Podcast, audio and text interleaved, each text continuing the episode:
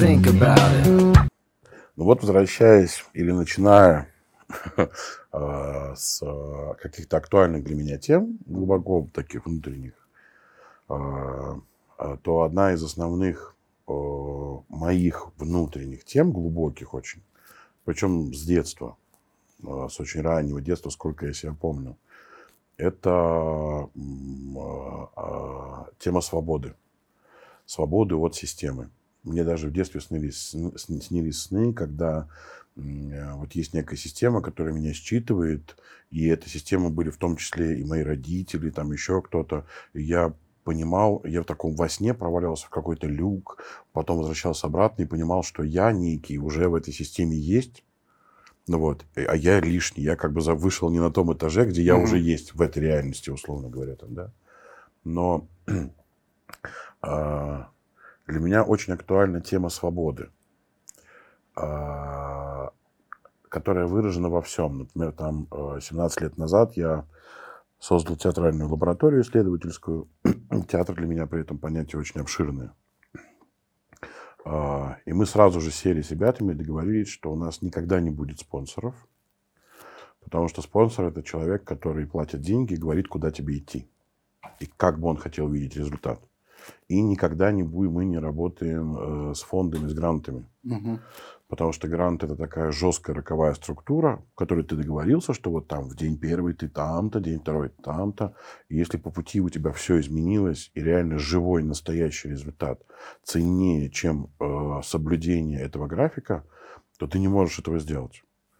Но тогда откуда берутся э, средства для того, чтобы да, существовать? Как содержать бизнес? Вот. И это, фу, это было просто приключение, реальное приключение в 17 лет длиной. То есть мы создавали такую экосистему, в которой мы сами зарабатывали себе деньги, э, с, как это называется, боже мой, слова, как бы эти армянские еще не приходят, русские уже выпадают. Вот. А, в котором мы проводили и занимались организацией там крупнейших ивентов. Фестивали, международные фестивали тысячные, потом какие-то очень дорогие ивенты и вот все, что с этим связано. А, потом мы занимались еще очень много чем. Причем даже не представляете разбег этого огромный. Например, там у нас была мастерская тростей. Угу. Мы изготавливали трости, которые у нас продавались в Англии. Ну, вот. Вот. А, то есть колоссальный разбег. Да? А потом мы садились за стол все вместе и договаривались о том, куда мы хотим поехать в экспедицию, на что мы тратим эти деньги. Я правильно понимаю, вы зарабатывали деньги, э, используя другие бизнесы, мы что создавали внутри лаборатории разные, разные бизнесы, бизнесы. Да, вот, и э, потом распоряжались деньгами. Это еще одна отдельная, это ужас. А, то есть ужас заключается в том, что, представляете себе, вот у вас есть 40 человек, компания, mm. коллектив. И вот, например, один человек очень эффективен, он хороший GR, он прямо правильно прокладывает в проектах перспективу, все. А, но он здоровый и крепкий. Вот я, например, последние там 30, не знаю, 5 или 40 лет вообще ничем не болел, даже головой, ничем. А, а другая девчонка, хорошая, очень такая трудолюбивая, а, но выполняет какие-то более простые задачи, и у нее, например, раз и заболели зубы. Она идет к зубному, и зубной ей говорит там, да, окей, вот у вас такая особенная история зубная, вам нужно 300 тысяч на операцию. Угу. Ну, мы, конечно, берем 300 тысяч и даем на операцию. Теперь есть дилемма, да? Это да. девушка, которая ничем не болеет, говорит, блин, почему же я ничем не болею? а, а вот почему мы ей даем? А как, а как оценить вклад, например, внутренний? А, потому что когда мы строим производственный процесс, это, это очень это, просто. Это, это легче, да. А вот когда мы строим эволюционный, то есть социальный процесс, кто в деревне, например, важнее? Этот дедушка, который, кажется, ничего не производит ценного, но он кое-что знает про жизнь, может что-то советовать и еще удерживает энергию. И поскольку для меня вот эта тема очень глубоко актуальна, то все, что я исследовал в всю жизнь, во всех структурах, где я был, я исследовал а, разные системы, как они устроены, и в первую очередь меня интересовало в этой независимости, да, вот в, этой, в этом понятии свобода, Меня интересовала не свобода ухода от социума и вот как бы разрушение да, всего. Меня интересовали границы. То есть в какой момент то, что, например, я могу сказать в сети, нарушит интересы того, кого я не хотел бы оскорбить. Хотя я просто скажу правду. Где границы этой правды, которую я могу говорить и нет? А, где границы, например, человека, которого я очень уважаю, люблю и понимаю, что он иной, чем я, и в рамках его проекта я принимаю его правила, потому что это его мир. Где граница понятия адекватность, например, там, да? то есть что является уже там, не знаю, политическими лозунгами и враньем, а что является настоящим высказыванием. Вот этот мир как бы баланса, да, где мне нужна сила, чтобы защищаться, но где она переходит в понятие идеологии агрессии где хорошая идея, которую действительно а, а, некий вопрос, который я должен поднять, например, неважно, это движение МИТУ там, или другие движения, окей, в корне этого движения лежит некая идея, которая вполне релевантна, то есть она актуальна. Но то, во что она превращается, становится фашизмом. Где эта граница? То есть настолько вот и все вот эти балансные системы. То есть мы приезжаем в некую деревню или в область, и ты начинаешь погружаться туда и очень аккуратно изучать элементы интеллектуальные, духовные, а, смысловые, этические, из которых она состоит. И вот здесь ты начинаешь понимать, что такое свобода, как вот эта свобода может располагаться там. А, свобода, например, это свобода человека в а, огромном мегаполисе Москвы, которого никто не знает, даже сосед вообще не знает, кто там рядом живет. А, или это свобода э, житель, который живет на природе, в деревне, но каждый человек в деревне знает все про другого человека. Да, вот, то есть свобода. Ну, понятие свободы еще разное в Москве и разное в этом деревне. Вообще в мире, вообще в мире, там, да, и в разных культурах. Угу. И а, для меня, конечно, огромный и самый сложнейший. Это глубоко-глубоко внутренний вопрос. А, в Армении, даже не в Армении, потому что Армения сейчас, когда я говорю Армения, я называю некую страну в некоем политическом контексте. А я говорю о некоем, ну, как бы о неком территории народа, да, а, вокруг которого все есть акторы тут какой-то огромный слон Россия, а тут какой-то Турция, а тут какие-то интересы американские, а тут и с соседями даже маленькими, как Грузия, там не особо понятно до конца. И вот это все-все-все. А, и ты, когда находишься в самой глубине, в самом внутри, не там, где политика, не там, где глобальные какие-то вопросы, а внутри, внутри человека, ты понимаешь, а как возможно сформировать структуру,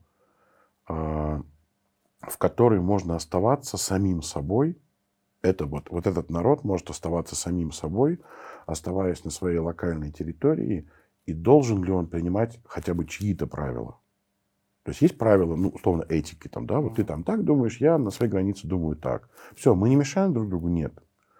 Но есть же большие правила, которые формируются уже там деньгами, например, там, да. Ну, понятно, что ни в какой войне уже давно никто не сражается ни за Бога, ни за идеи. Сражаются за нефть, золото, деньги. Вот и все.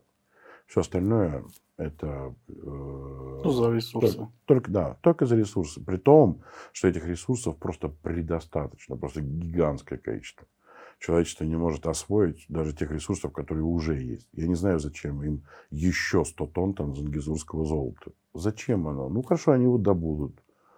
Что дальше? Дальше ничего. И интересно, когда мы там ехали в Арцах в этот раз, я говорю, интересно оценить, а сколько стоит грамм этого золота.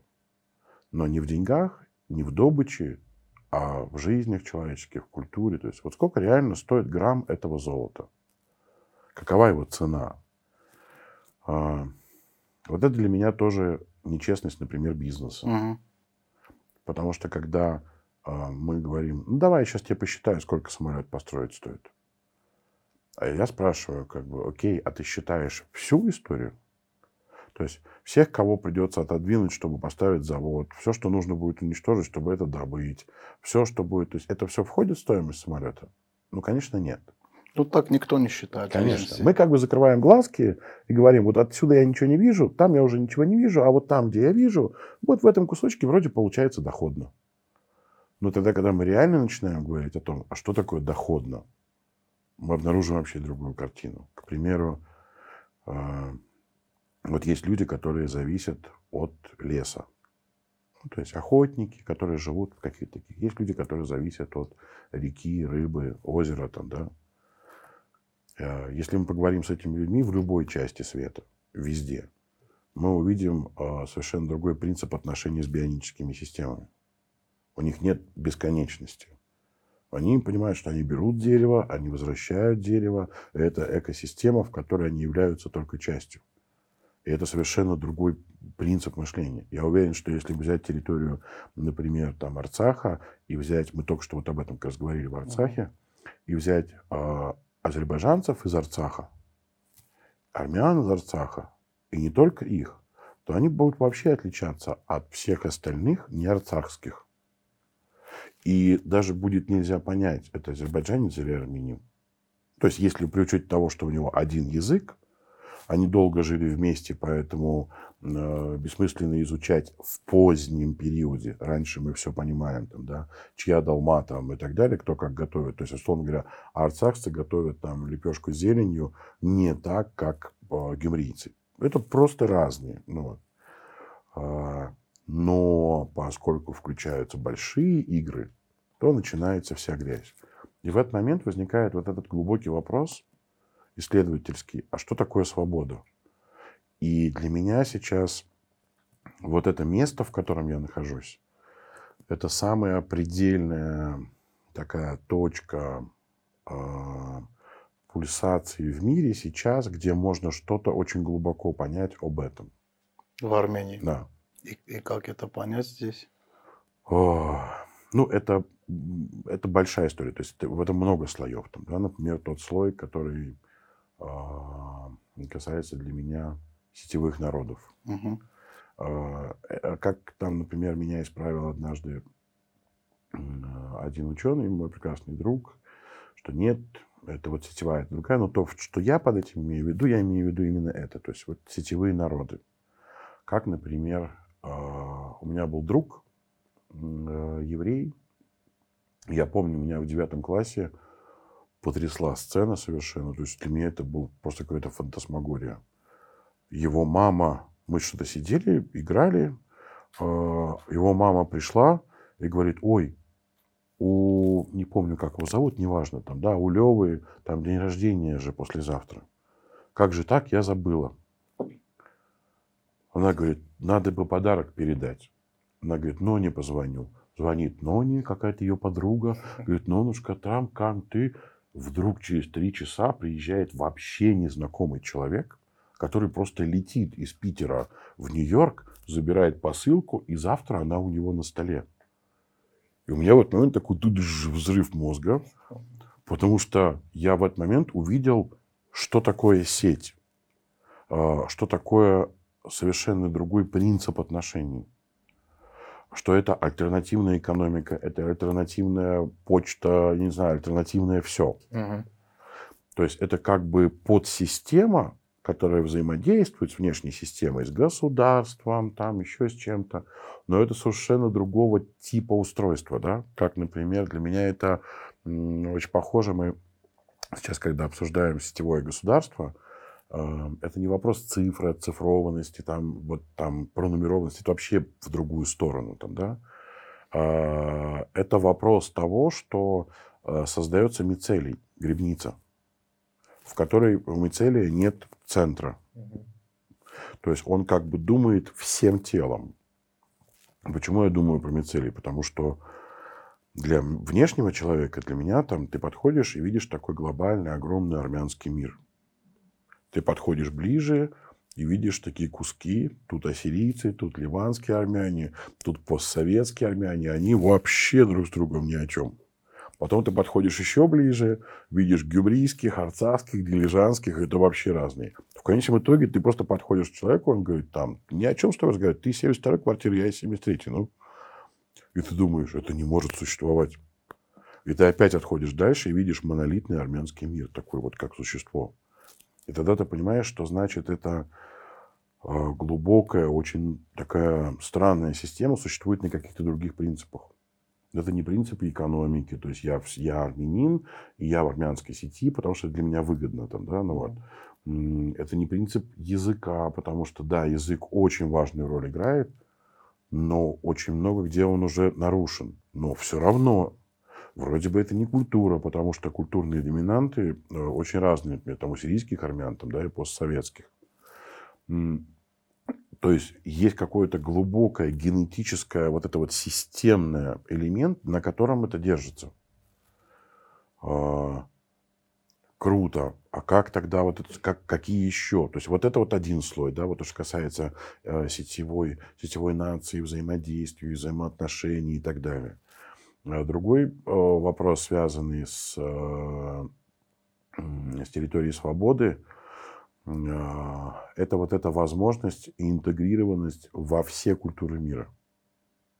То есть абсолютно неважно, это может быть там японская диаспора, есть тайская диаспора. То есть совершенно, казалось бы, порой совсем вообще противоположные культуры. То есть такая противоположная ментальность, в которой я вообще не знаю, что может делать там армянин. Там, да, ну, вот. Ну, если ты вот так внешне смотришь на некого там, да, э, вот, и они везде интегрированы.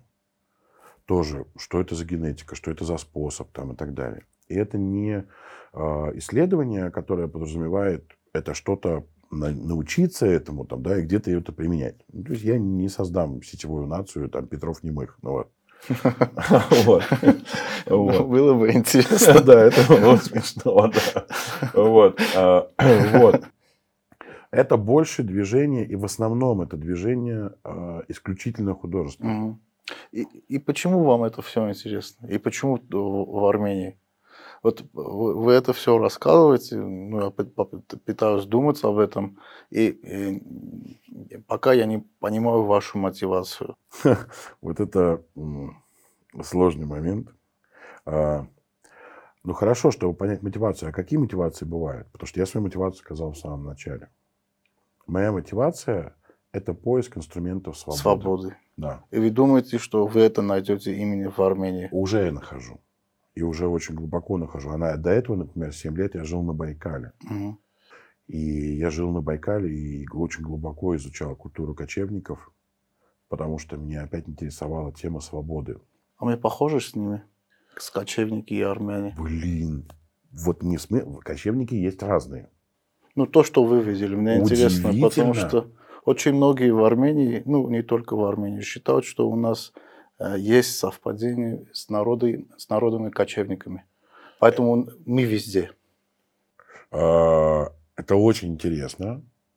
Но смотрите, во-первых, есть э, базовая разница с точки зрения системы. Ну да. Потому что кочевники двигаются станом, да? Угу. А армяне индивидуально интегрируются, создают сообщество, сетку, но это не, э, не становое движение, да? Но э, да, как это, армянина, у армянина, дальнобойщика и там монгола есть что-то в глазах, там, да, такое, он куда-то туда смотрит, за горизонт все время. Но для меня удивительно то, что да, реально, э, у меня есть две э, нации, которые очень глубоко для меня, это абсолютно субъективная да, история, очень глубоко э, похожи на ментальном прямо уровне, на доментальном даже. Это армяне, индусы и буряты. Хм, интересно. Это, для меня реально, да, это какой-то очень странность. Потому что вообще, ну вот, то есть если индусы и армяне здесь понятная история, потому что арийская история, культура, там очень много всего санскрит, грабарь, там взаимодействие, там просто очень много всего. То буряты как бы, ну, вот, да, совсем э, никаким образом. Но очень многие какие-то такие внутренние вещи э, очень идентичны, да. Например, там у бурят э, нет, вот есть понятие улус, это такая как бы деревня, да, mm-hmm. ну, вот. А больше Улуса нету. Нет большой Улус, нет город.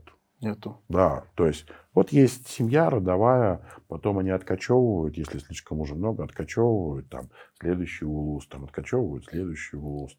Не, не строят большие системы. Нет, да, то есть у них вся система всегда горизонтальная. А почему? Ну, по, по вашему мнению. Э, Я думаю, что Почему я это спрашиваю? Потому что если изучать историю, до какого-то момента весь мир был так. И где-то 15 тысяч лет назад, если не ошибаюсь, все поменялось. И начали строить больше и больше и больше большие системы, которыми мы сегодня живем. Ну, для меня, конечно, исключительно для меня это тупиковый путь и большая ошибка э, с точки зрения эволюции систем. Вот. А, Потому что, ну, во-первых, вот если мы возьмем город, то в городе нечего делать, физически вообще нечего делать двум категориям. В городе нечего делать старикам, и в городе нечего делать детям. То есть город – это пространство чистой функциональности. Для работы. Да. А, Тогда получается, что а, мы начинаем, первое, что мы начинаем делать, мы начинаем ресурс системы тратить на то, чтобы чем-то занять стариков, чем-то занять детей. При этом даже соединить их между собой мы не можем.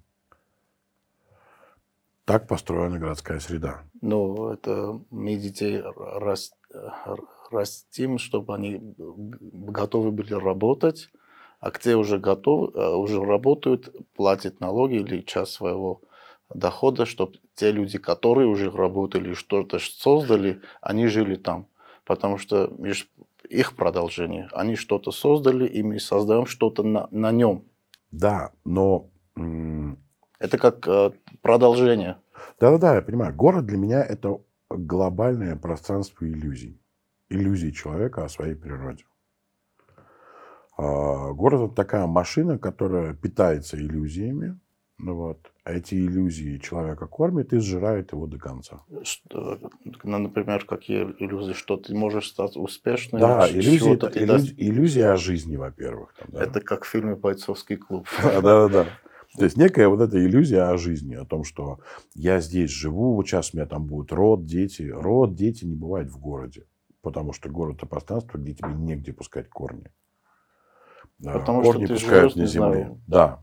Ты живешь В внутри... квартире. Да, да, ты живешь внутри фабрики.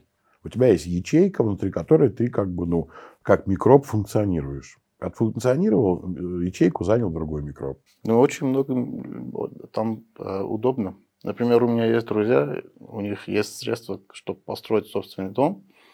Я спрашиваю, почему они, вы не идете за город, не строите собственный дом. Ну, я, я так сделал. Они говорят, мы не хотим там жить. Нам в квартире гораздо удобнее. Мы чувствуем себя там в безопасности. Да, это понятно. То есть мы, э, город, как любая структура, они должны что-то э, дать, чтобы что-то забрать. И поэтому что человек получает там? Э, человек получает безопасность. То есть когда до его соседа даже не 50 метров, а 3 метра до соседней двери, и мы все как бы кучкой, то это гораздо безопаснее.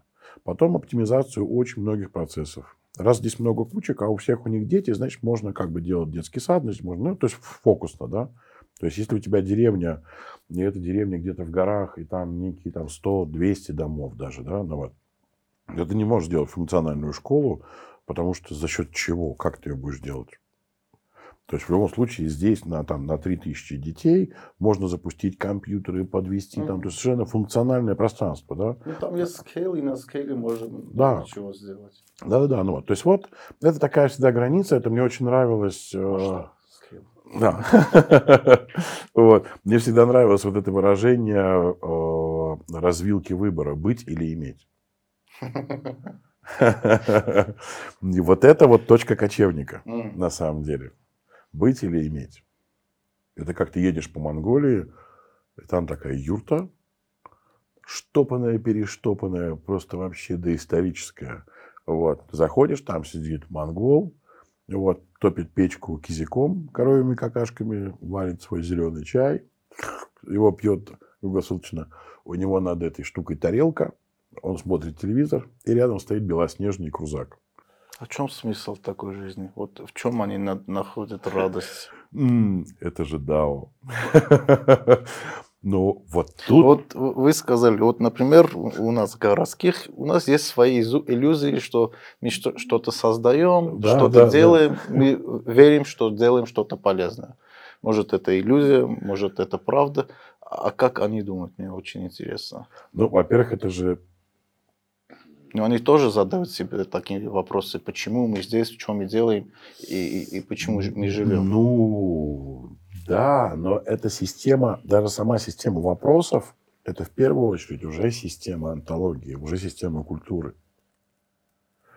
Это как один мой прекрасный друг, архитектор, бурят, а, вот, он мне рассказывал, он говорит, меня всегда в детстве просто, говорит, выносило мозг. Вот идет, значит, зовут шаманов, идет большой праздник, значит, они собираются, камлают и потом призывают, значит, духов.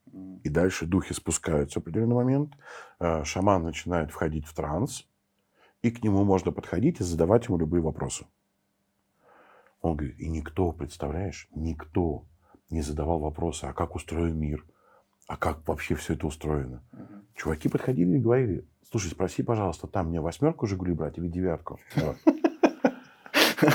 И реальность такова, понимаешь, да? Реальность такова. И он говорит, и у меня у мальчишки просто выносил мозг, что они не хотят узнать, а как вообще все там Всё устроено. построено, да. Все очень функционально, про колбасу, как бы, условно говоря. там, да? Ну вот. Но представляешь себе, что такое для играющего человека колбаса? Это вообще ничего. Ничего, Ее можно да. вот так, ну, как бы, добыть, если нужно, просто из воздуха. Ну, вот. И она не обладает никакой ценностью. А, Я помню, когда я был очень юным, а, я пошел, мне надо было куда-то идти работать, я пошел работать в магазин-салон. Знаешь, такие были, куда все приносили, что-то на комиссию сдавали, потом ты продавал. А у меня мозг работает все время. Там, тук-тук-тук-тук-тук-тук. Я вдруг понимаю, что интересно, это же я продаю то, что приносит. Я же продавец, не хозяин магазина. Да. Я думаю, так, а если я буду выбирать, ведь эту вещь я могу поставить ближе и продать ее быстрее. Потому что каждый входит и будет говорить, блин, так, так удачно вы зашли. Сейчас вот эта вещь, которую я уже месяца два не видел. Случайно буквально мужик зашел и продал, потому что уезжает. О, да, тык-тык, продано. Через два месяца, чуть больше, все, что было в магазине, было моим. И все деньги, которые там крутились мои, я пришел к хозяину магазина, который значит, занимался ими. Говорю, можно я у тебя куплю магазин? Он говорит, покупай. Я купил магазин. И буквально через неделю, даже меньше, у нас такие, знаешь, большие старые витрины в центре Питера. Я сидел, смотрел через эту витрину, там был дождь, и шли куда-то люди. Я думаю, как там круто. Нахрен этот магазин вообще? Я потерял к нему интерес полностью сразу же. Потому что она стала ваша. Потому что я понял, как это работает. Э, Я ну, сыграл в эту игру, и она мне полностью вообще безразлична. То есть я его продал, там, в два раза дешевле, потому что просто мне хотелось избавиться от него. То есть никакого интереса в области того, то есть как, как зарабатываются деньги. Я хорошо это понимаю. Я очень многих консультировал. Но это же не означает, что мне должно быть, например, интересно зарабатывать деньги. Деньги для меня вообще не интересны. А, а, интересно понять, как работает механизм, как он создан. Сама система. Да, сама система именно. Все остальное неинтересно вообще. Вы хакер. Любой. Да. А Ты знаешь, что с точки зрения ведической традиции индийской, актеры это принадлежат касте неприкасаемых. Они живут за территорию социума. То есть, смотри, какой парадокс. Ты одеваешь маску Кришны, и все, включая правителей и царей, подходят к тебе брать благословение. Потому что ты прямая репрезентация божества. Ты снимаешь маску, и ты должен уйти из общества. Это связано с тем, что для играющего человека, а, в принципе, понятие мораль, нравственность, там, система не Не существует. существует. Для него система – это только элемент игры. Мы не знаем, а, я не знаю, знаешь, скажи. Я не знаю ни одного святого в истории, который бы а, а, своим движением не нарушил все устои, которые были в тот момент, и не создал новые. То есть сама, само движение, само действие живого, да, это, это провокация системы и намеренное эволюционирование этой системы. В этом смысле да. То есть если, условно говоря, если завтра, через год, там, да, Армения будет стабильной, красивой, очень сытой, прекрасной страной, я поклонюсь, съем последний вкусный кебабчик, ну вот, и улечу. Это потеряет для меня смысл. Это как я иду по Еревану, знаешь, и говорю, ну, блин, ну какой дебил сделал такой балкон? Ну, он идиот. Ну как? Фасад здания шикарный, и он свою... И главное, ему пофигу. Он даже не замазал ничего. Я уверен, что у него внутри все вообще сделано. Но снаружи, да ему по барабану, как это будет. Да. Думаю, вот дебил. А дальше я иду и думаю, интересно, хорошо. А представим себе Ереван с чисто подстриженными газонами, балконами там, ну вот, и армянами такими, как швейцарцы. Я думаю, не-не, пусть балконы торчат. Вот этот момент, когда ты готов э, пожертвовать какими-то историями ради того, что ты находишься в живой структуре. Ну, э, э, это живой или это как управляемый хаос? Нет, вот то, про что мы сейчас говорим, это не является неуправляемым хаосом ни в чистом виде живой системы. Почему? Потому Почему? что для того, чтобы мы говорили о живой системе, а живых систем здесь много, давайте поедем э, в любое древнее поселение Армении, и вот это будет живая система. То есть вот как ландшафт идет, где есть вода, как это все, вот оно абсолютно развивалось, и вот в этом э, абсолютное чудо вот этих древних городов, да, они как бы вырастали как система. А, но то, что мы имеем сейчас, это, конечно же, когда умирал слоник, то есть империя заканчивалась, угу. э, начинался момент хаоса, и еще не сформировалась никакая другая система. И вот в этот переходный этап происходят некие хаотичные, э, неуправляемые процессы. Но... И они были очень похожи почти во всех да, странах. Конечно, да, конечно, конечно, в любой стране, вообще, не только в постсоветской, а вообще в любой стране мира. А, а, а как писал э, когда-то Штайнер, что человечество все время переходит э, из парадигмы в парадигму. Что вот была парадигма, например, там, власти, когда не важно, сколько у тебя денег, важно, кто ты по отношению к самому. Да. А, а потом человечество перешло в парадигму обмена. И совершенно не важно, кто ты по отношению к вертикали Бога, важно, что ты мне можешь дать за то, что я тебе дам. И, э, и Штайнер писал, что когда человечество переходит из парадигмы в парадигму, на очень большой период основная масса людей, то есть вообще все, глохнут. То есть у них нет средств оценить то, что происходит. То есть они, например, покупают билет на оперный концерт, приходят и не поним... то есть и думают, что это хорошо, то, что они видят. А это ну, какой-нибудь, не знаю, Басков или еще кто-нибудь. То есть это просто никто. Ну, ну инерция. Есть, это не инерция. Хуже, реально хуже. То есть реально этот человек сейчас потерял систему ценностей предыдущего этапа, не обрел новую, и у него нет с чем сравнивать. Ему, он не, не может оценить. Ну, поэтому очень многие потерялись после того, как Советский Союз распался. Да, конечно. А представляете себе, это, да, у меня был э, шок. Это же вот хорошо, например, видно было, как там были гениальные актеры. Да, которых не стало. Не то, что не стало, а вот гениальный актер, который работает в одной истории. Ну, не стало как актеров. Как люди они да, остались. Да, да, да. То есть, условно говоря, для него ценность это когда он говорит, я в таком проекте снимаюсь, потрясающе. А денег у него, ну сколько у него денег? Ну на Волгу хватает, уже хорошо. То есть это не, вообще мы ни о чем не говорим про деньги. Да? То есть ну какие-то хорошие гонорары, но это мелочь. А потом вдруг наступает момент, когда они говорят, сколько за съемочный день берешь? 300. Лошара, я 500. А что они играют, уже не важно. Важно, сколько они зарабатывают. Все, да. В этот момент все начинает рушиться. Просто переворачиваться. Ну, ценности меняются.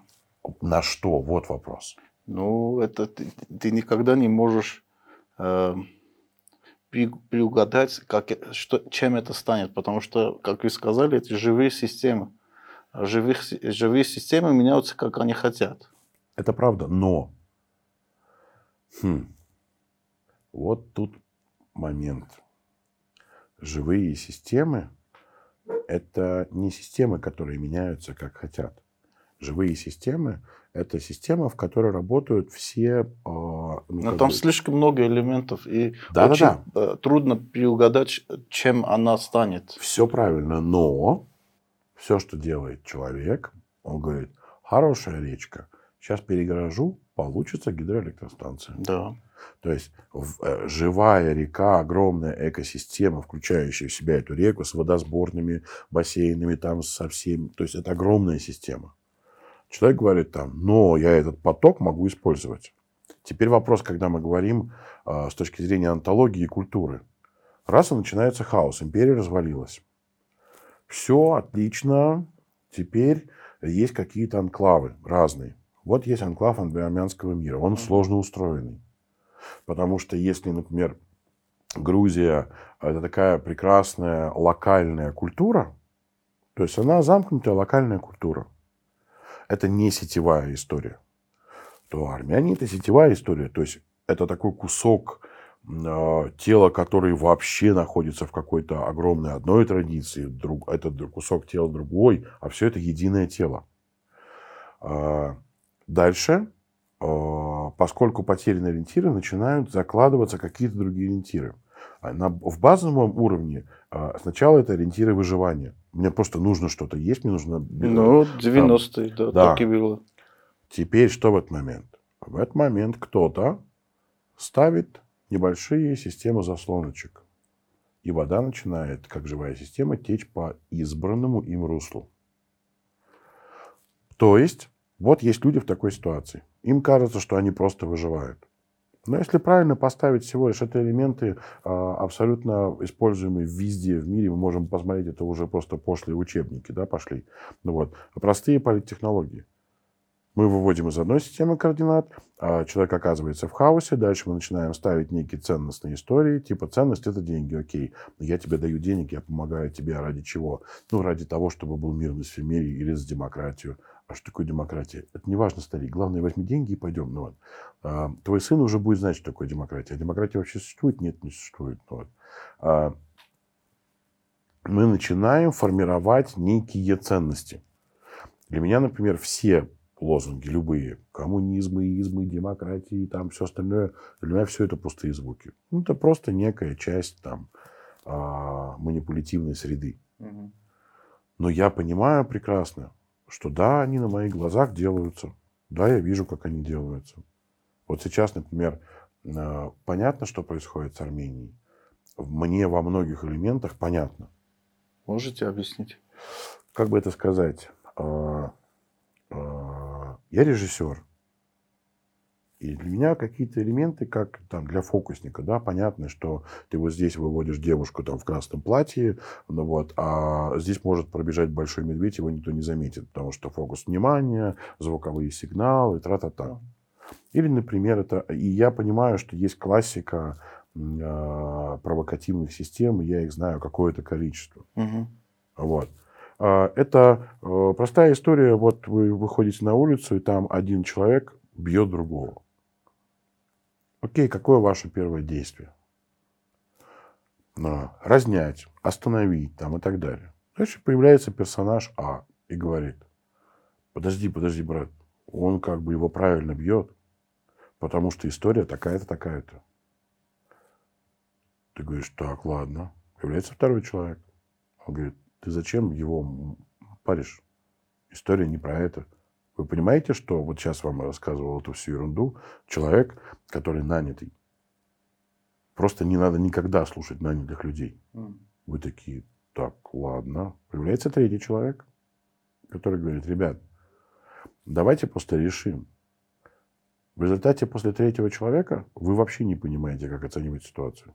Ну, у нас в армии сейчас не три, а, наверное, 15 Да-да-да, это так и делается. То есть комментарий по отношению к комментарию, разоблачение по отношению к разоблачению, следующее разоблачение – это политтехнология, это все один оплачивает человек. чего добиваются? Добиваются того, что когда в следующий раз бьют человека, вы просто проходите мимо и думаете, я не понимаю, что происходит, и идете. У вас больше не хватает ну, сил разобраться с этим. Вы не понимаете, что происходит. Ну, сейчас, на этот момент, очень многие так и делают. Потому что слишком много информации, слишком много Да. женщин в красном платье Да, и слишком много Да. игроков, никто ничего не понимает, и ты просто говоришь, окей, мне пофиг, я буду деньги да, зарабатывать. именно так. То есть, но это технология. То есть это манипуляция, за которую платят деньги, она собрана идеально. И я могу вот таких манипуляций частями назвать очень много. То есть это абсолютно известные сценарии. Да? А, И в политике, и в военной истории последнего времени, везде. То есть я вижу эти сценарии вот кусками. Они полностью видны, их можно прямо вот там по шагам расписать. Но вопрос в другом. У меня все время ощущение, что чего-то главного я не вижу, потому что я не могу понять, а, а вот за этими сценариями Кто? кто интересант, в каком направлении. А может их много. Ну, кто его знает? Может быть, может быть. Я думаю, что это мое субъективное мнение, что все-таки мир сейчас находится на такой грани тупика. То есть, когда все старые системы себя исчерпали. А как перейти в новую? В новую перейти без кризиса нельзя. И в этом смысле мы можем сказать, что как бы, а, это вот этот или вот этот игрок. Но мы не понимаем. То есть, условно говоря, там, вот там тра-та-та, там, условно, Турция. Мгм. Ну, ладно. Но я все равно не понимаю, а за Турцией кто? Потому что, ну, нет, это не она сама. Это же видно, что это, ну, какая-то, ну, пафосная, э, идеологическая такая фиговина, но это не, само, ну, то есть это не самостоятельная структура. Это, это отличить очень легко. Но ты начинаешь искать самостоятельные структуры, и тебе как бы их не видно, да, потому что ты не понимаешь, в чем логика интереса. Вот. А, в чем игровые системы. И так, когда ты глубоко, глубже, глубже, глубже погружаешься, ты начинаешь просто э, хоть чуть-чуть видеть какие-то потоки, что, откуда, куда идет. То есть, ну вот, Мгм. в этом отношении. Но для меня-то принципиально важным является не это. На моих глазах, я питерский, на моих глазах уничтожалась там питерская история. Такой э, полувычищенный, абсолютно европейский городок, э, уездный, с какими-то особенностями. Я обожаю Питер, я глубочайшим образом его обожаю. А, Я сам питерский, поэтому все эти истории и во мне. А, То, понимаешь, империя, то слишком замороченный Достоевский вылезет, и думаешь о чем-то сложнее, чем нужно. Вот, это да. Но вот эта уникальная культура, она была уничтожена. А потом я видел, как уничтожалась прямо на моих глазах Москва. Я приехал в Москву учиться в 97-м. А что вы имеете в виду под э, словом уничтожалось? М, а, Как бы это сказать? Ну вот, понимаете, я сейчас э, э, смотрю кино. Я, я почему э, спрашиваю? Потому что в Армении очень многие тоже говорят, что сейчас Армения уничтожается. Да, это И- правда. И х- я хочу, ну, Сейчас я скажу. Параллели. Сейчас я скажу. Вот смотрите, если вы, если мы пойдем в 70-е годы, Мгм. То его очень легко отличить французское кино, итальянское кино, немецкое кино, Да. русское кино и так далее. Да. Но согласен. сейчас уже нет. Это некая условная голливудская биомасса, которая отличается тем, что, о, ну, прикольно, вот во Франции есть такое вот течение, которое вот такие вот такие снимают. Но это уже минимум. Это не школа, не взгляд. Французский. Да. Но ничего другого не происходит в машинах, потому что в дев- в 90-е годы, когда мы были мальчишками, мы могли отличить Ягуар, Мерседес, там все остальные, и Жигули шестерку там издалека, да? Ну, вот. Но сейчас вы их не отличите. Вы не понимаете, это Volvo, Porsche, это чего вот это едет. Потому что оптимизация, аэродинамика, т.д., они стали почти одинаковыми все.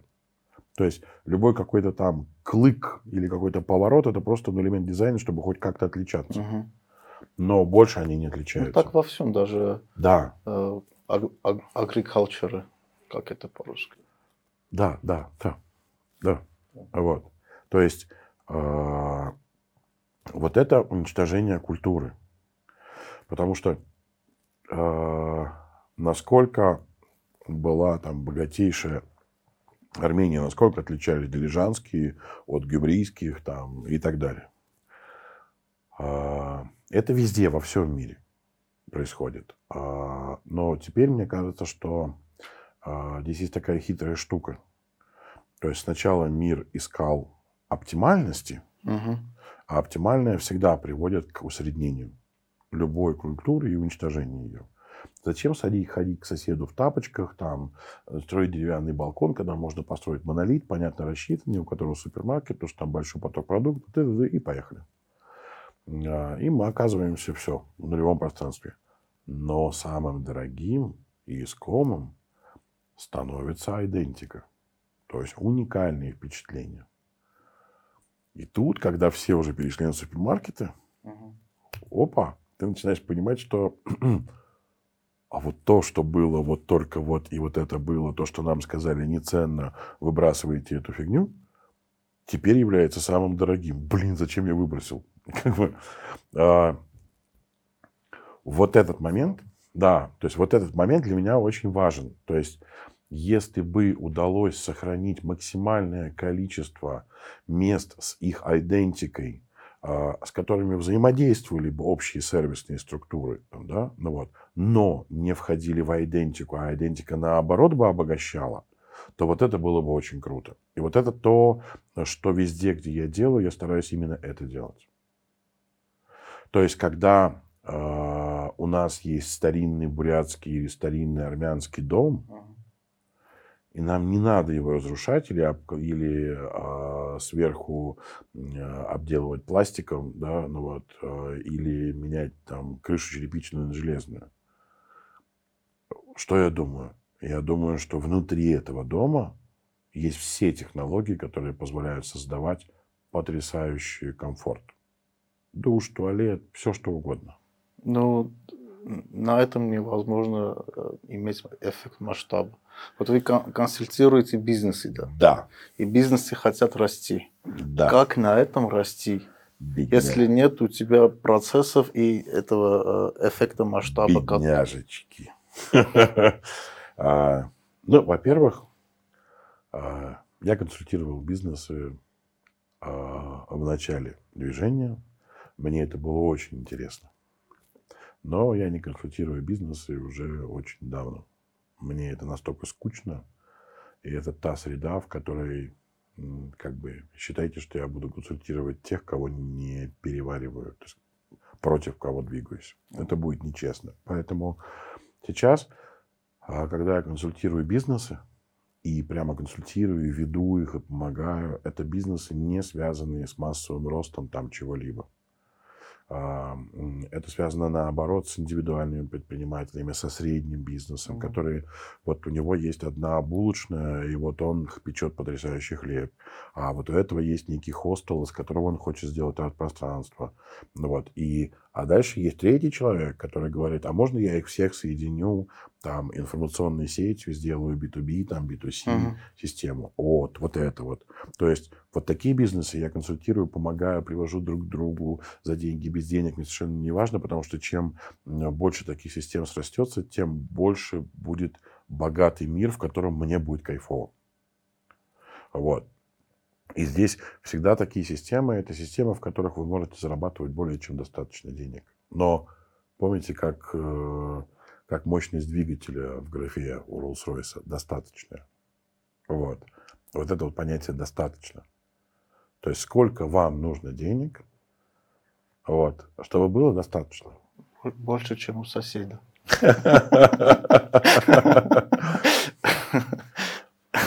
А, Вот это как бы важный вопрос. Вы выращиваете помидоры там, для своей семьи, все хорошо. Думаете, ну, в принципе, можно же больше? Можно. Дальше что будет? Ну, а дальше, и как тот в том анекдоте про человека, который выращивал прекрасные огурцы, к нему приходит сосед, говорит, что, может, как то это, слушай, классно у тебя получается. Он говорит, да, точно. Взял кредит, в общем, накупил земли, поставил парники, нанял рабочих, закупил продукцию, посадочную, материал, ну вот, бухгалтерия, юристы, сопровождение, потом сидит, значит, считает, говорит, что денег, вот, э, по выходу в результате столько же, столько, когда я сам выращивал. Но геморроя... Стало больше. Да. То есть э, Потом, э, как сказал один мой очень хороший друг и очень грамотный финансист, он сказал, Петенька, я тебе один раз скажу единственную формулу бизнеса. У бизнеса больше нет формулы. Вот. Он говорит, формула бизнеса только одна. Это максимально минимально допустимое качество максимально минимально допустимое качество. Это все. Все остальное благотворительность, хобби, все что остальное, все что угодно, но не бизнес. Если ты можешь еще что-то оптимизировать, а people все еще хавает, это бизнес. Оптимизируй. Mm. Ну вот. То есть получается, что э, это нечто прямо противоположное искусству. То есть, вот. Ведь художнику все равно, сколько денег тратить. То есть ты дашь ему 100 долларов, он сделает какой-то проект. Ты дашь ему миллиард долларов, он на миллиард долларов сделает проект. Ему совершенно все равно сколько. Просто это возможность еще. Поэтому в проектном, в проектном менеджменте, в проектной области ты не можешь посчитать, никогда уже, не, уже давно не работают никакие бизнес-планы. Да? Ты говоришь, я нашел элементы, которые устойчиво вырабатывают странную энергию. Это поток. И инвестор грамотный входит в поток. У него нет никакого бизнес-плана. Какой бизнес-план, когда я завтра сделаю шаг, и когда я его сделаю, я пойму, насколько все другое, чем э, насколько все отличается от того, что я ожидал. А есть исключения? Исключение в чем? В, в, в, ну, например, э, бизнесы, которые э, работают как артисты. Хм. Они не пытаются оптимизировать, а нет, пытаются... таких исключений нет. А это Apple... просто, просто это не бизнес.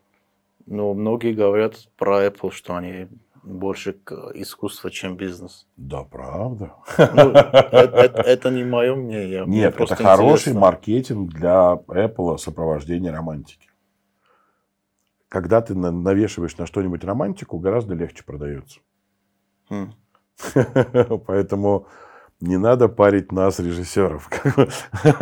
Нам еще эти плакальщицы верю и не верю. Вот. Нет, такого не бывает. Почему? Потому что любая система координат стремится к своему пределу. Но ведь есть горизонтальные пределы, то есть когда э, это, ну, то есть если вы не занимаетесь бизнесом в чистом виде, угу. то вы используете бизнес-технологии до какого-то момента. То есть, словно говоря, вы занимаетесь каким-то делом, которое приносит вам наслаждение, которое реально там является вашим исследованием, там еще чем-то, и вы хорошо зарабатываете но вы не оптимизируете. Потому что бизнес это когда бы вы дальше пошли. А вы говорите, нет, стоп. Хорошая экономика, все хорошо. Я пошел в горизонталь. Поэтому формула бизнеса, но это как бы формула абсолюта в бизнесе. Да, да. А так все равно каждый человек стоит из кусочка мечты, кусочка обиды, там, да, все есть такое. Ну, я знаю бизнесменов, но их трудно назвать бизнесменами. Хотя очень многие считают их успешными бизнесменами, но им интересно больше, что люди о них думают, чем их бизнес. И они делают этот бизнес лишь для того, чтобы э, выглядеть красивым в глазах у других. Ой, это вообще не только бизнес, все. Все в очень многом так. У меня есть очень близкий друг, танцор в Москве семейная пара, муж с женой, потрясающие танцоры. И он такой худенький, такой стройный, такой вообще очень такой на шарнирах. И тут мы с ним сидим, давно уже, и он мне показывает свои фотографии, и показывает свою фотографию после армии. А у него нет шеи. Он вот такой перекачанный, у него руки не открываются. Вот так. Я говорю, что это? Он говорит, да, понимаешь, в десятом классе я, говорит, влюбился в девчонку одну. И она вообще никак, даже я для нее просто не существовал как объект, она даже вообще не отреагировала на меня. Он говорит, и меня переклинило, я пошел качаться. Он говорит, я качался до армии, потом качался всю армию и после армии, и каждый день, говорит, понимаешь, я качался, и у меня был только один образ, а он из Риги. М. Он говорит, у меня был только один образ, понимаешь? Я с вот такими банками, полотенце на шее, бегу по пляжу рижскому. И она мне такие, и она мне говорит такая, Алик, привет. Я такой, привет. И у меня, говорит, просто до сновидений. Я думал только об этом. Понимаешь, да? Да. Я думаю, господи, человек это вообще какое-то больное существо. Ну, То есть, как бы, то есть его сосед обидел, и он пошел что-то делать, и сосед уже давно умер, уехал. Он даже забыл, что он ему это сказал. Но у него эта фраза, он чего-то добивается, что-то там колпает. Просто потому, что этот чувак ему это сказал. Ну, Вот. ну, если мы себя так ведем, и мы очень зависим... Ну, мы кто? Ну, люди, Да. люди. Если мы так зависимы от чужих мнений и как они к нам относятся, тогда, наверное, свободы нет, которую вы ищете. Не, ну, свобода – это в первую очередь свобода от двух вещей, как я ее понимаю, да? А, в первую очередь это свобода от мнения, Мгм. но важно, что включая свое мнение. Ну, то есть вот обо мне, например, можно, не знаю, тонны найти просто, а если с людьми поговорить, еще богаче будет. Да? Ну, вот. Можно найти тонну информации, что только про меня не расскажут. Э, Я еврей, я посланник этого, что угодно. Меня никогда вообще не интересовало мнение людей. Что обо мне говорят, как там, абсолютно не интересует. Ну, Но самое главное, что меня не интересует и мое мнение о себе. ну как такое возможно? А почему это невозможно? Ну, Вот мне тоже пофиг на чужое мнение, но мне не пофиг на мое мнение про себя.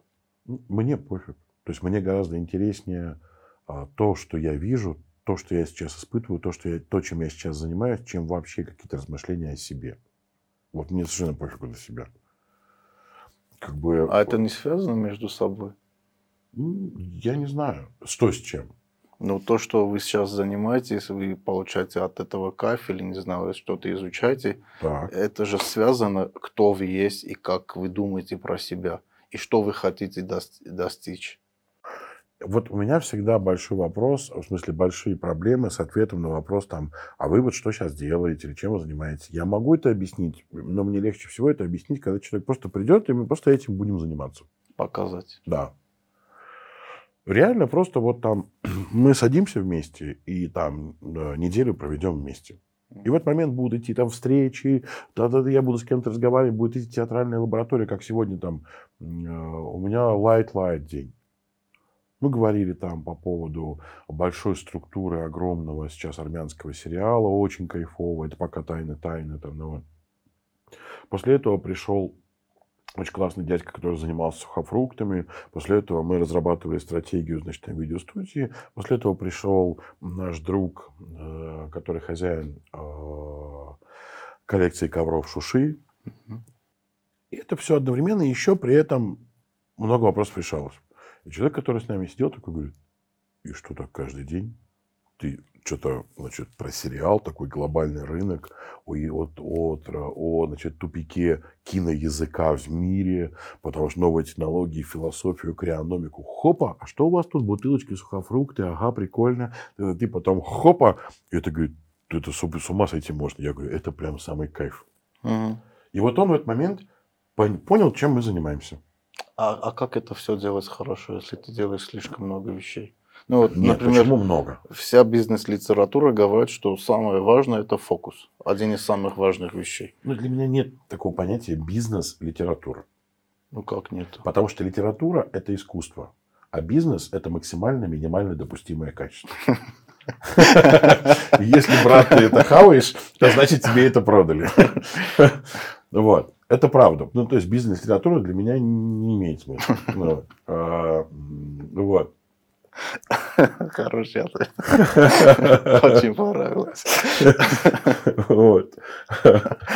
Вот. А, Нет, смотри, есть, а, есть два, два таких, как это, провокативных действия, да, то есть слишком большое рассеивание, когда все, все, все, все, все, и слишком большое сосредоточение, когда только это. В обоих случаях ты труп. Вот между этим какой-то баланс там. Но смотри, у тебя же есть... Э, во-первых, все зависит от того, насколько... Э, то есть какое количество проектных областей, например, ты готов содержать. Ну, удерживать в фокусе внимания. И это еще отдельная задача, которую там, я обучаю, например, там, э, ребят своих всегда в лабораториях везде обучал. То есть вот у тебя есть, например, проект, ну, некоего фильма, некого проекта, там, да, э, кинопроект. И есть проект, например, выставки. И они про разное. Например, фильм э, о том, э, там, как солнце влияет, там, не знаю, на ландшафт, там, да, ну вот, а э, еще что-то там, да, про э, любовь, там еще что-то. Так смотри, язык мой какой-то сегодня, простите меня за это, значит, э, так вот, когда ты размышляешь о каком-то проекте целостно, у тебя выделяется на него энергия. И энергия этого самого проекта, а, она многомерна. То есть ты же внутри него размышляешь, додумываешь какие-то вещи, что-то еще докручиваешь. Да? То есть ты все время прорабатываешь вот эту вселенную этого проекта. Да? Uh-huh. И тут проблема в том, что, например, ты занимаешься продюсированием там, какой-то истории или, там, не знаю, готовишься к рыбалке и ты приходишь домой, а у тебя там, значит, сыну надо в школу, что-то он штаны куда-то порвал, у тебя эти два проекта, они начинают пересекаться, у тебя один забирает энергию из другого. Да, и мешают друг другу. Да. А если у тебя два еще художественных, ну или э, других, да, проекта, то важно, чтобы ты не украл, прямо ты внутри себя не украл из одного проекта идею, энергию или атмосферу в другой проект. Потому что в этот момент все схлопывается, все, у тебя будет один проект. Вот сколько ты можешь удерживать и вести проектов, не пересекающихся между собой, как вот раздвоение личности, да? Там, э, я свободно, комфортно веду 8 проектов, они у меня не пересекаются. 8? Да, но больше не могу. Считается, что э, в менеджменте, то есть, ну вот 5 актуально. То есть 5, если предел, то вот 5 ты можешь вести. Но многие не могут вести больше одного. То есть такая специфика у человека, то есть он должен занырнуть, сконцентрироваться и вот только вот по этой теме идти. Разные люди. Вот. А, для меня не составляет вот э, труда таким образом. Но плюс ко всему э, есть же области, которые близки. Ну, то есть к тебе человек попадает, а ты говоришь, а, понял, что ты делаешь, понял, что классный человек, вот тебе телефон, позвони ему, он, кстати, этим занимается. И ты просто связываешь, то есть это не проект, ты как бы э, получаешь, отправляешь, получаешь, отправляешь. Потому что в основном э, я быстро определяю качество человека, с которым взаимодействую, э, и быстро определяю качество проекта, который я держу в руках. И вспоминаю, просто вспоминаю, кто в этой области качественный, и кто из друзей, которым я доверяю, чтобы можно было их соединить соединяю и отпускаю. У меня же там нет там, нет, там, финансового или другого интереса. Поэтому задача соединить между собой качественные проектные области или качественных людей. Все. А как вы деньги в Армении зарабатываете? А, пока сейчас я никак не зарабатываю деньги. А, есть фонд 301. Он для этого нами создан. Больше сейчас я... Ужас, ужас, тут посчитали. Вот. А, больше я сейчас вложил денег, чем вообще что-либо заработал. Но мы создали проект 301, задача которого а, перевозить в Армению а, интересных, не интересных, сложных, глубоко мыслящих людей – в разных областях, неважно, это может быть кибернетика, это может mm-hmm. быть там искусство, совершенно неважно. А, и если он соблюдает, ну как бы соблюл условия входа, их всего два, то есть мы первый раз привозим на месяц а, человека, и у нас есть два требования к нему, чтобы он реально увидел перспективы своей жизни в Армении. В Армении. И второе... Long term, да? Да, да, да. Полностью, да, ну вот. А, и второе, он должен за этот месяц а, найти своего тандеми. А это что означает? Партнера. Партнер. А, то есть, потому что этот партнер здесь, а, и будет тем, кто будет его проводником в культуру, и его партнер в его бизнесе, или в его искусстве, или в его исследовании. То есть он должен найти тандеми.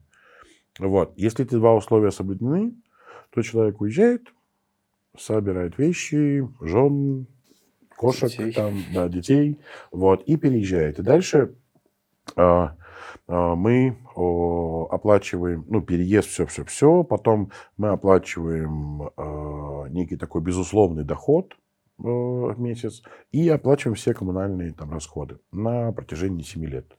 7 лет. Да, то есть за 7 лет он как-то уже находит свою структуру. И, и, и чем цель этих людей в Армении? А, я могу сказать так. А, а, мне кажется, что одна из а, самых важных целей – это отрефлексировать для армян, что они держат в руках. То есть задача, например, э, человека не заключается в том, чтобы прийти и сказать, о, ты знаешь, я такой умный, я знаю, как строить дома, я сейчас тебе все, все расскажу. расскажу. Да, да пошел ты нафиг. Задача человека подойти и сказать, боже, это же нереально красивый орнамент здесь. Угу. Чтобы ты, живущий в этом доме, вышел и сказал, Ха, прикольно, да. То есть, когда ты ходишь каждый день за хлебом мимо Матана Дарана, ты, не видишь, ты просто его не видишь. Поэтому очень малое количество людей, мы не говорим о тысячах, да, мы говорим, что за 7 лет мы бы хотели перевести 300 человек. Это все. Mm. А, и это очень жесткий отбор, мы должны понимать. И жесткий отбор делаем не мы. Потому что вот мы привезли уже несколько человек сюда. И это очень странно. То есть ты привозишь человека супер спец, такой очень классный. И ты вдруг реально видишь, что он каждый день ест. То есть ему с этим встречается, с этим, он ест, ага, прикольно, прикольно, и ничего не отдает. Mm. И ты такой уже в первый день смотришь на него и думаешь, не левак. Классный специалист, все круто, но он не понял, куда он попал. Он просто вот другой человек, понимаешь, да? Ты да. понимаешь, что нет, чужой. Другой человек приезжает. То есть, и вот эти вот он же должен совпасть, поэтому как бы его само пространство, а, само пространство его кастингует. Да? И он не проходит кастинг просто, то есть все приятно, кофе, вкусная еда, все дружественные, очень гостеприимные, угу. но он чувствует, что как бы до свидания. То есть нет. Что-то нет, вот не совпало, не то, там разные. Ну, вот. а, поэтому это важный вопрос твой. А, пока мало того, что я ничего не зарабатываю, но поскольку проект в самой горячей территории развития, поэтому почти все и свои деньги я, наоборот, вкладываю. Uh-huh. И это вложение, конечно же, не бизнесовые. Я просто понимаю, что вот это точно должно быть там. Или я хожу по рынкам, и я скупаю книги. Меня знают на всех рынках, они говорят, а, пришел. Я говорю, нет, а вот вы знаете, издание «Сосна ЦРР» было вот такого-то года, вот там очень круто.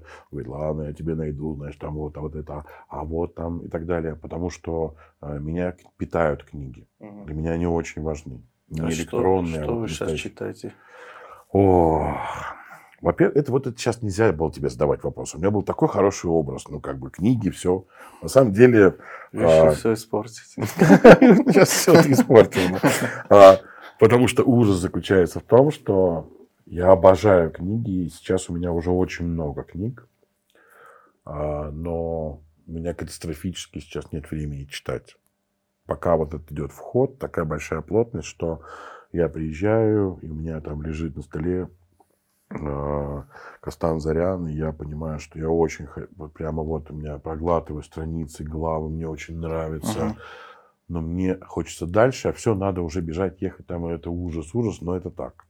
Поэтому там до этого я с, э, очень подобно это еще изучать много-много-много лисицантом, да, то есть это вот вся запись э, танца, вообще сама запись танца, то что это невероятно там, ну, вот. До этого меня потрясли, потрясла совершенно такая небольшая очень книга. Я ее случайно э, купил на книжном рынке про э, Сбац Парапет. Вот. Как это он договорился с монголами? Как вообще? Это невероятно. То есть все, такой полный хаос, захват и так далее, и он просто договаривается. М. И в- как, на чем строится договор. Вот это описание очень э, классно. Ну, вот. По книгам много. Так вот, и заканчивая вот эту тему с э, зарабатыванием, но планирую ли я э, бизнес? Да. Ну, инвестируете, значит, что-нибудь что-нибудь Нет, обратно. инвестирую я больше сейчас. То, что я инвестирую, я инвестирую в, в ценность, которую я понимаю, что ее нельзя отпустить. Нужно, чтобы это было. Там ребята, которые там собираются, мы все вместе помогаем, а, потому что мы кого-то берем на ставки, все. А структура еще как бы не отстроена. То есть еще у нас нет какой-то машинки там, да. Но какие темы там, да? А, Сто процентов актуальна тема туризма. Я ее хорошо знаю, очень глубоко знаю. Причем это очень опасная тема, потому что Армения, а, Армения слишком доступна. А когда я могу попасть в храм третьего века, просто так ковыряя козявки со своим айфоном, а, это не ценно для меня. Она превращается в копеечную историю. Если я могу там два раза в году в особых случаях, записавшись, получить тур, вот войти в старинный храм, это будет для меня просто космосом. То есть... здесь- Ставить лимиты. Да, потому что ценность э, достигается через ограничения. И Армении нужно Я согласен. поставить систему ограничений всего. Потому что э, когда мы только приехали, у нас было очень-очень много интервью с людьми, мы разные, сказать, свя- со священниками, с бизнесменами, со всеми. Я спрашивал, чего я не могу получить за деньги в Армении. Почти стопроцентный ответ – все. Причем большинство из этого дешево. Но я хочу понимать, что это помидоры, которые я ем, а а это мясо, которое я ем, а это трава, зелень, там, да, которую я ем, а это храм, в котором я нахожусь. И все это очень трудно достается на очень трудной земле. А, И это действительно помидоры, которые пахнут. От этого уже выносит мозг. А еще у них есть вкус. И это стоит дорого. Ну, смотрите, с одной стороны, история, это труднодоступность, все это строилось очень трудно, все это достигалось очень трудно. Вы, видно, э, читаете армянскую историю, но с другой стороны, все можно купить на деньги и дешево, как вы Да. сказали. Э, Почему так получилось, по вашему мнению? Это, это нормально. Смотрите, а, вы приезжаете на Байкал. Потому, пот- потому что ну, ценности с одной стороны, а потом ты понимаешь, что эти ценности не стоят и копейки. Да, но это не потому, что они не стоят копейки, а потому... Вот помните, как вот этот рассказ про кольцо, нет? Какой-то такой был полупритчевый, она очень точная на самом деле. А, Не помню. Там что-то был очень старый дедушка, который подозвал своего внука, э, дал ему кольцо и попросил его сходить на рынок оценить. И мальчишка пробегал и пришел, сказал, что ну вот э, сказали, что полторы, ну две тысячи рублей могут дать, вот, э, как бы кольцо сложное. Он говорит, окей. Ты у всех спросил? Он говорит, да. Он говорит, вот тебе телефон, это ювелир, съезди к нему. Он съездил к нему, возвращается, абсолютно удивленный. Он говорит, что он сказал? Он говорит, он сказал, что это слишком дорогое кольцо, очень редкое. У него нет сейчас таких денег, но он может выплачивать частями, если мы согласимся. Кольцо стоит там около миллиона. Мгм. Он говорит, а теперь запомни на всю жизнь. Спрашивай цену у того, кто понимает в этом. То есть у ценителя. А, да, конечно, мы берем какого-нибудь чувака и говорим там, а вот здесь старый забор. Он говорит, фу, разваливающийся забор, надо его забетонировать нафиг и все покрасить нормальным железом отделать. Вот наша цена. Но нам же нужен другой человек. Но э, эти люди, которые вы сказали, их большинство. А это не важно. Но почему не важно, если э, мы живем в такой си- системе, где Нет, мы мнение, не ж- нет, мы не мнение живем в такой системе. большинства Нет. Доминирует, Как оно доминирует? Где? ну, система демократии. Это же просто шутка юмора. Какая демократия? Это, это управляемое э, стадо невменяшек. Это не является демократией. Ну и вообще демократии нет. Это же миф. То, что, что подразумевалось под структурой демократии в Греции, не имеет никакого отношения к, это, к бунту домохозяек. Сейчас я пойду выберу. Ну, выберу. Выберили, да. Да. Выбрали. То есть, но если мы говорим о маркетинге, если мы говорим о рынке, то нам надо очень точно понимать, какую систему ограничений выставить. Дальше, а, какие в этот момент у нас появятся всплески, угу. На какой рынок их правильно сфокусировать. То есть, условно говоря, например, там огромное количество стран сейчас Э, полностью ушли от потребительского туризма или уходят, сбегают. Потому что оказалось, что деньги, которые, в общем-то, неплохого потока приходят от потребительского туризма, ну, то есть классический. Да, там, обычный да, туризм, к которому все привыкли. На самом деле недостаточно для того, чтобы залатать те дыры, которые после него остаются. То есть нет. Ну, есть вещи, которые вообще невозможно залатать. Это в том числе, то есть, ну, это уже следующее там, да, ну вот. А, и огромное количество стран в Европе сказали, все, спокойно, спокойно, валите отсюда, нам не надо больше туристов. Вот. Потому что я просто, да, я живу в Неаполе, да, я в тапочках хожу в супермаркет там, или в магазин, или в лавку, там, лапши купить надо. Да, но с другой стороны, например, если возьмем Неаполь, например, Неаполь отказался от этого, но большинство людей там живут же на эти средства, они будут бунтовать. Нет. Будут говорить, верните нам наших туристов. Нет. А ну, мэр вопрос... скажет, хорошо, потому что их больше его на следующий год не Слушай, выберет. знаешь, вот сейчас произошел очень интересный момент. На Байкале очень большой туристический поток. И он э, состоял где-то, ну не знаю, сейчас мне трудно сказать, хорошо, давай скажем там 30%, ну 40 максимум процентов русских. Все остальное это международный туризм. И тут, когда началась пандемия, потом первый этап пандемии прошел, и открыли снова туристический сезон, в этот момент закрылись Турция, и те русские, которые ехали в Турцию, приехали на Байкал. Местные практически с ружьями сказали, как бы, валите нахрен отсюда. Потому что приехали быдлы, которые, которые бухают и просто такие, а, да, да. они для этого ездили туда. И наши байкальские впервые увидели вот этих э, уродов, этих крашеных баб, этих, значит, чуваков в труснике, которые приехали чисто развлечься. Ну вот, они говорят, не, нет, давайте мы вам выкупим Турцию, только как вы уезжайте туда. Нам здесь вообще этого не надо. Теперь э, вопрос какой? А, вопрос в том, что уже 6 лет назад была такая большая история, а, связанная с проработкой непотребительских видов туризма. Угу. И экономически, и системно это вообще небо и земля. Они очень эффективные, они совершенно про другое. То есть это агротуризм, а, образовательный туризм, научный туризм, медицинский туризм и так далее. Например, запускать в Армении медицинский туризм – это просто супер. Это прекраснейшая тема с точки зрения э, наличия разного уровня вод, то угу. есть там источников всего, а, ландшафты, нагрузки там и так далее. Шикарная история. Но э, там нужно пройти целый ряд там э, историй. Да, понятно. И с точки зрения нормативных актов, и с точки зрения других. То есть это вот прям комплексное. Но это то, куда точно уже можно идти. В агротуризм можно идти? Точно можно идти. Шикарная тема. Научно-образовательный просто вообще. Он, кстати, самый легкий. Да? Да.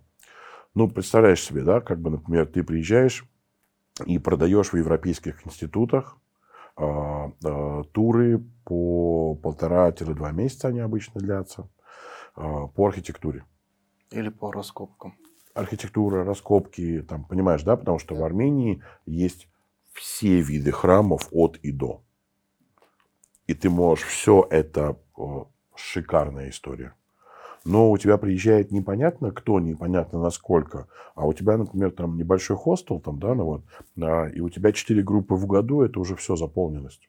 Они каждые по полтора, по два месяца, и вот у тебя год закрыт. Но ты знаешь, кто к тебе приехал, где он, все там, программа, все. Очень стабильная история. А образовательных туров здесь, кроме этих, можно еще огромное количество делать, потому а, что а, у нас абсолютно дырявый рынок, а московский рынок миллионный. Остальной еще, но ну, я говорю про московский, просто uh-huh. потому что я русский рынок знаю, да. То есть это все корпоративное образование, это все тренинги, там йога, все-все-все. Это огромный рынок.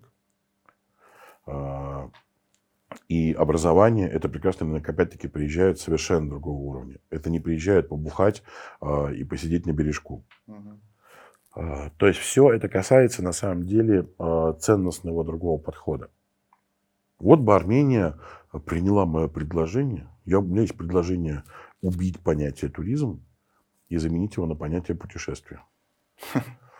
убить всех гидов и заменить их на проводников. Убить понятие сувенир и заменить его понятием артефакт. То есть то, что я добыл в путешествии с моим проводником. Потому что тогда ценность вообще меняется. Ну, ценность меняется, ну, маркетинговый хороший подход. У нас в Армении нет туризма. Туризм что такое? Не, не слышали. Но э, остается, а, туризм, туризм же остается, но просто слово меняется. Нет, он заменяется на путешествиях. Ну, в принципе, если поменять слово, и подход тоже меняется. Да, да, да, я, я про это. Согласен. Ну, и потом, все равно, видишь, я же говорю сейчас русские слова, а если говорить в контексте, например, англоязычно, как это будет звучать, там тоже нужно вот это все понять, но сам принцип – это изменение как бы подхода. Да, туризм заменить на adventure. Adventure да. звучит гораздо лучше, чем да, да, да, турист.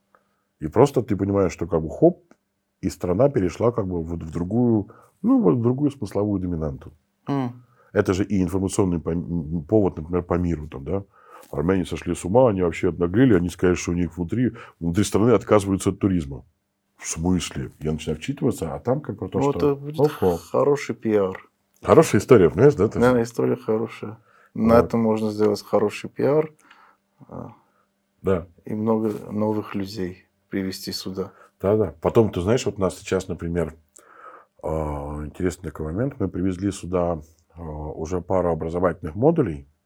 То есть, когда модули проходят в разных крупных странах, а потом последний образовательный модуль мы привозим в Армению.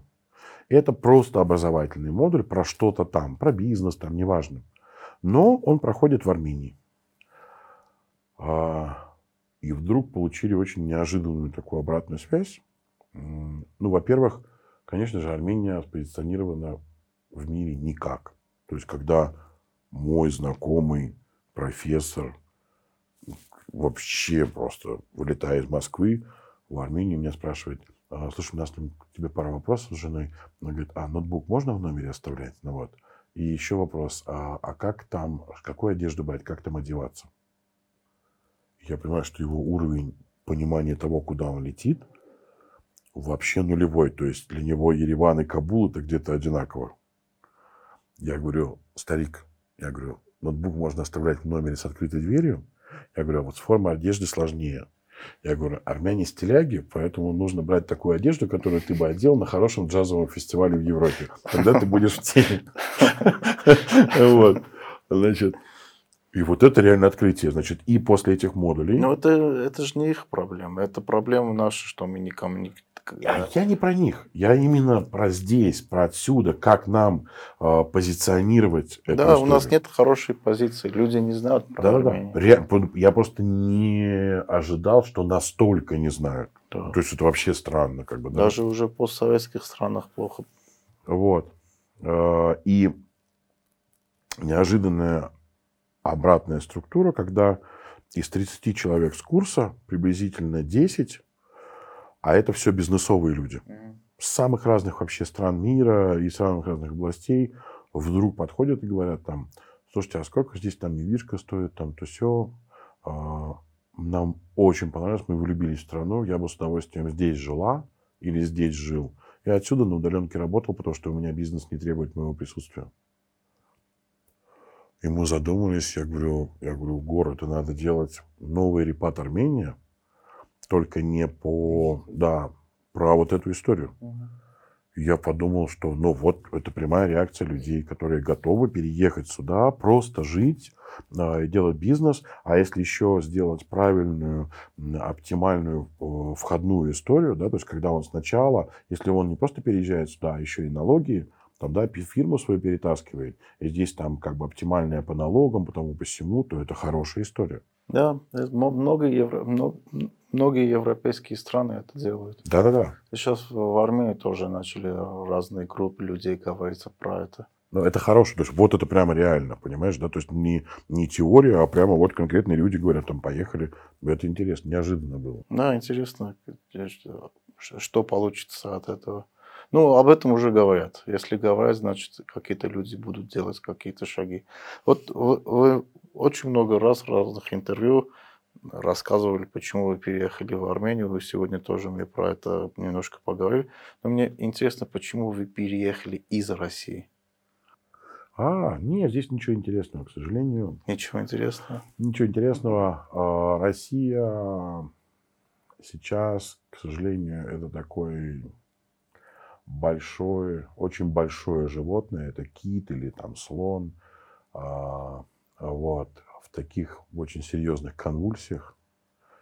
И это конвульсия, которая в первую очередь а, уничтожает само, само себя. А, и это не связано, понимаете, как бы это сказать, это связано с глобальным катастрофическим системным хаосом в России. То есть разрыв между всеми слоями всех чудовищный. То есть какой-нибудь э, мой друг в Москве делает э, проект там точка кипения в котором ему приходит мысль, что должно быть такое место, в котором соединяется бизнес, философы, вот это все варится и рождаются какие-то новые проекты. Проект очень успешен. Прямо суперпространство там, все это зарождается. Он становится государственным. Ну, круто, ну, берем, все, сейчас мы сделаем. То есть, ну, нужно таких проектов, чтобы было много, по городам и селам. Что делает чувак из города? Я говорю прямо конкретно. Просто не называя фамилии всего остального и городов. Старый комсомольский функционеришка говорит, а что у нас там, значит, нужно, чтобы точку кипения открыть? Ему говорят, ну вот треки выписаны. Он говорит, и что там в треках?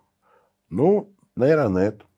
А, ну ладно, не знаю, что это такое. А кто у нас, наверное, этим занимается? А вот такой чувак в Москве. А пригласите его лекции почитать.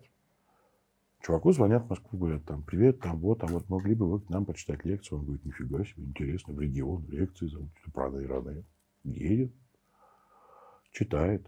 Все очень странно, какие-то чуваки, никто ничего не понимает, уезжает. Он говорит, ну так вот, мы же нейронет теперь запустили. Можно написать, что трек по нейронету в нашем городе запущен. Значит, можно открывать точку кипения и привлекать бюджет.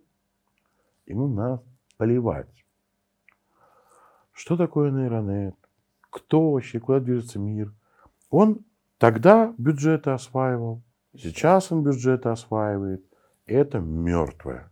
При этом есть огромное количество потрясающих людей, я могу их там назвать десятки, которые реально колотят земли просто за свой страх и риск, абсолютно вообще самостоятельно копают землю, понимают, что нужно создавать такие экостандарты там или еще что-то, неважно. Всех их только уничтожают. Все проекты, которые я знаю, уничтожены. Все. Ни один из ста, ни два, ни двадцать все, что сейчас есть, это огромная такая формализация, формальная гидра, которая говорит нам, про что модно, про экологию, сейчас про экологию скажем, а что у нас там, эволюция развития городов? Без проблем. Как бы деньги в кассу, культуру в массу. Это полностью формальная структура, которая не имеет никакого отношения к реальности. Реальность сложена из тех, кто присосался к структуре или как-то в ней адаптирован и живет, и из тех, кто реально верит в то, что вообще заявлено, и вообще в себя, и в мир, и старается это делать, и оказывается в тюрьме, на улице, где угодно. А, в этом смысле а, я уехал из структуры, в которой а, я очень люблю русскую культуру. Это не в смысле матрешек и не в смысле там славяно то и с ваш бог. Ну, вот. Нет, а просто ландшафт. Да? Я очень люблю крайний север, э, Сибирь. Это самые там, для меня близкие места. Я очень люблю вот это вот Норвегию, Мурманск, Финляндию, Карелию, всю, Архангельск. То есть вот это мне это нравится, очень моя природа. Но очень похоже, кстати, здесь. То есть, потому что вот эти вот скалы, мхи, лишайники, вот такая суровость, mm-hmm. мне она очень близка по духу. Но тот кошмар, который происходит, он мертвый, полностью мертвый. Вот. Это для меня ужас. Вот то, откуда я уехал. А как вы думаете, есть шанс, что это все начнет меняться? А, тут же вопрос, э, тут вопрос э, приоритетов и логики. Поскольку сейчас, э, вот мы с вами говорили, это на самом деле такой непростое поле для обсуждения, не в смысле России, а вообще мира. А, а, а, всем же меняемым людям понятно, что все, что меняет мир, происходит из иррационального пространства человека. Но мы как бы говорим, ну этого же нет. Это так как бы миф. Давайте поговорим о кирпичах. И в результате получается, что мы как бы договорились и играем в такую игру, что Бога-то уже давно понятно, что нет, но и чувств нет. То есть вообще ничего нет, кроме рационального пространства.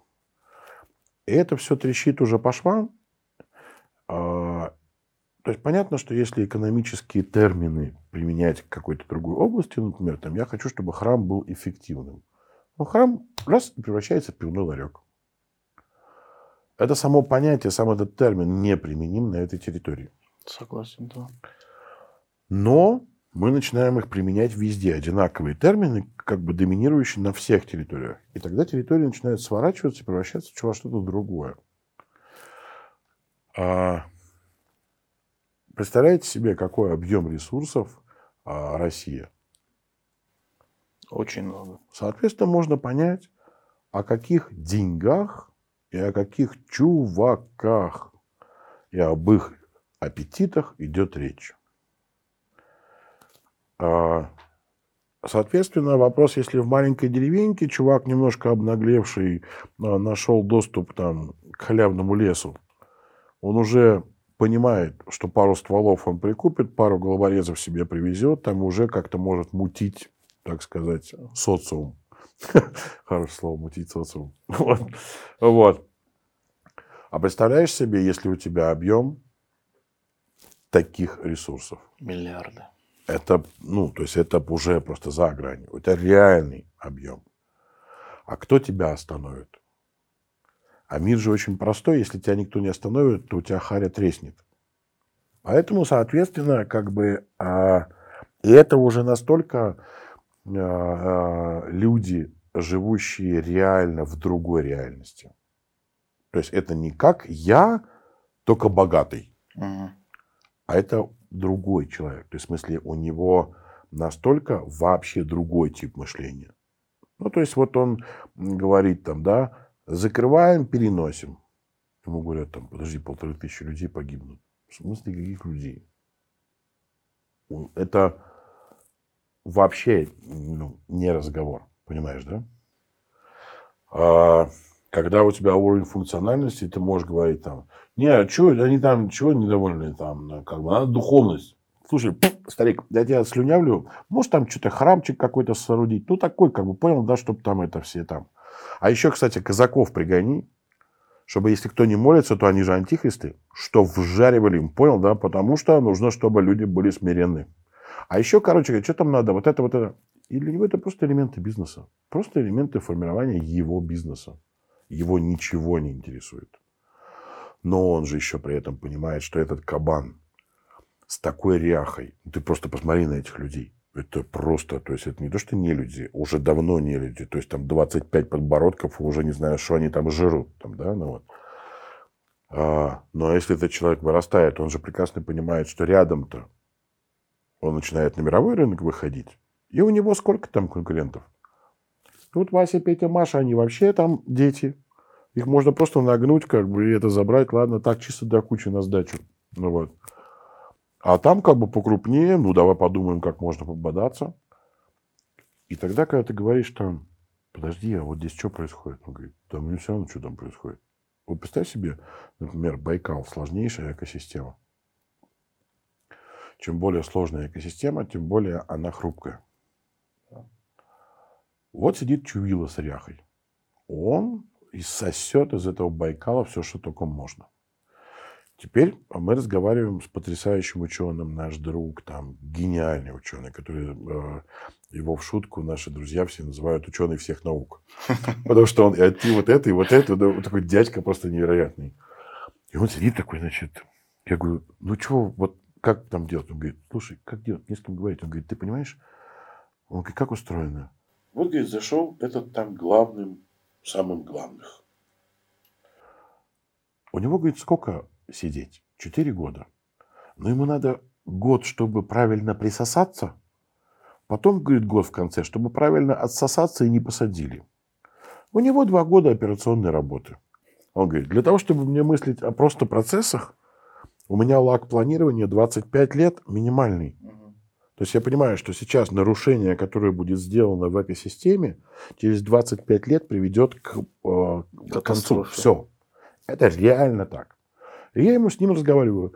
Но у него 25 лет, нет такой системы координат. У него есть два года. Он говорит, старик, подожди, вот это сейчас я не понимаю, что ты говоришь. Ты мне скажи, что за два года, куда там что можно перекинуть, перебросить, на что можно заработать, это я понимаю. Он говорит, а вот это все, вот это для меня мифы, сказки. А как о чем говорить? Это просто разные вообще системы координат. А, возможно ли изменения? Возможно. Безусловно. Мы знаем, что мир часто был там в тупиках.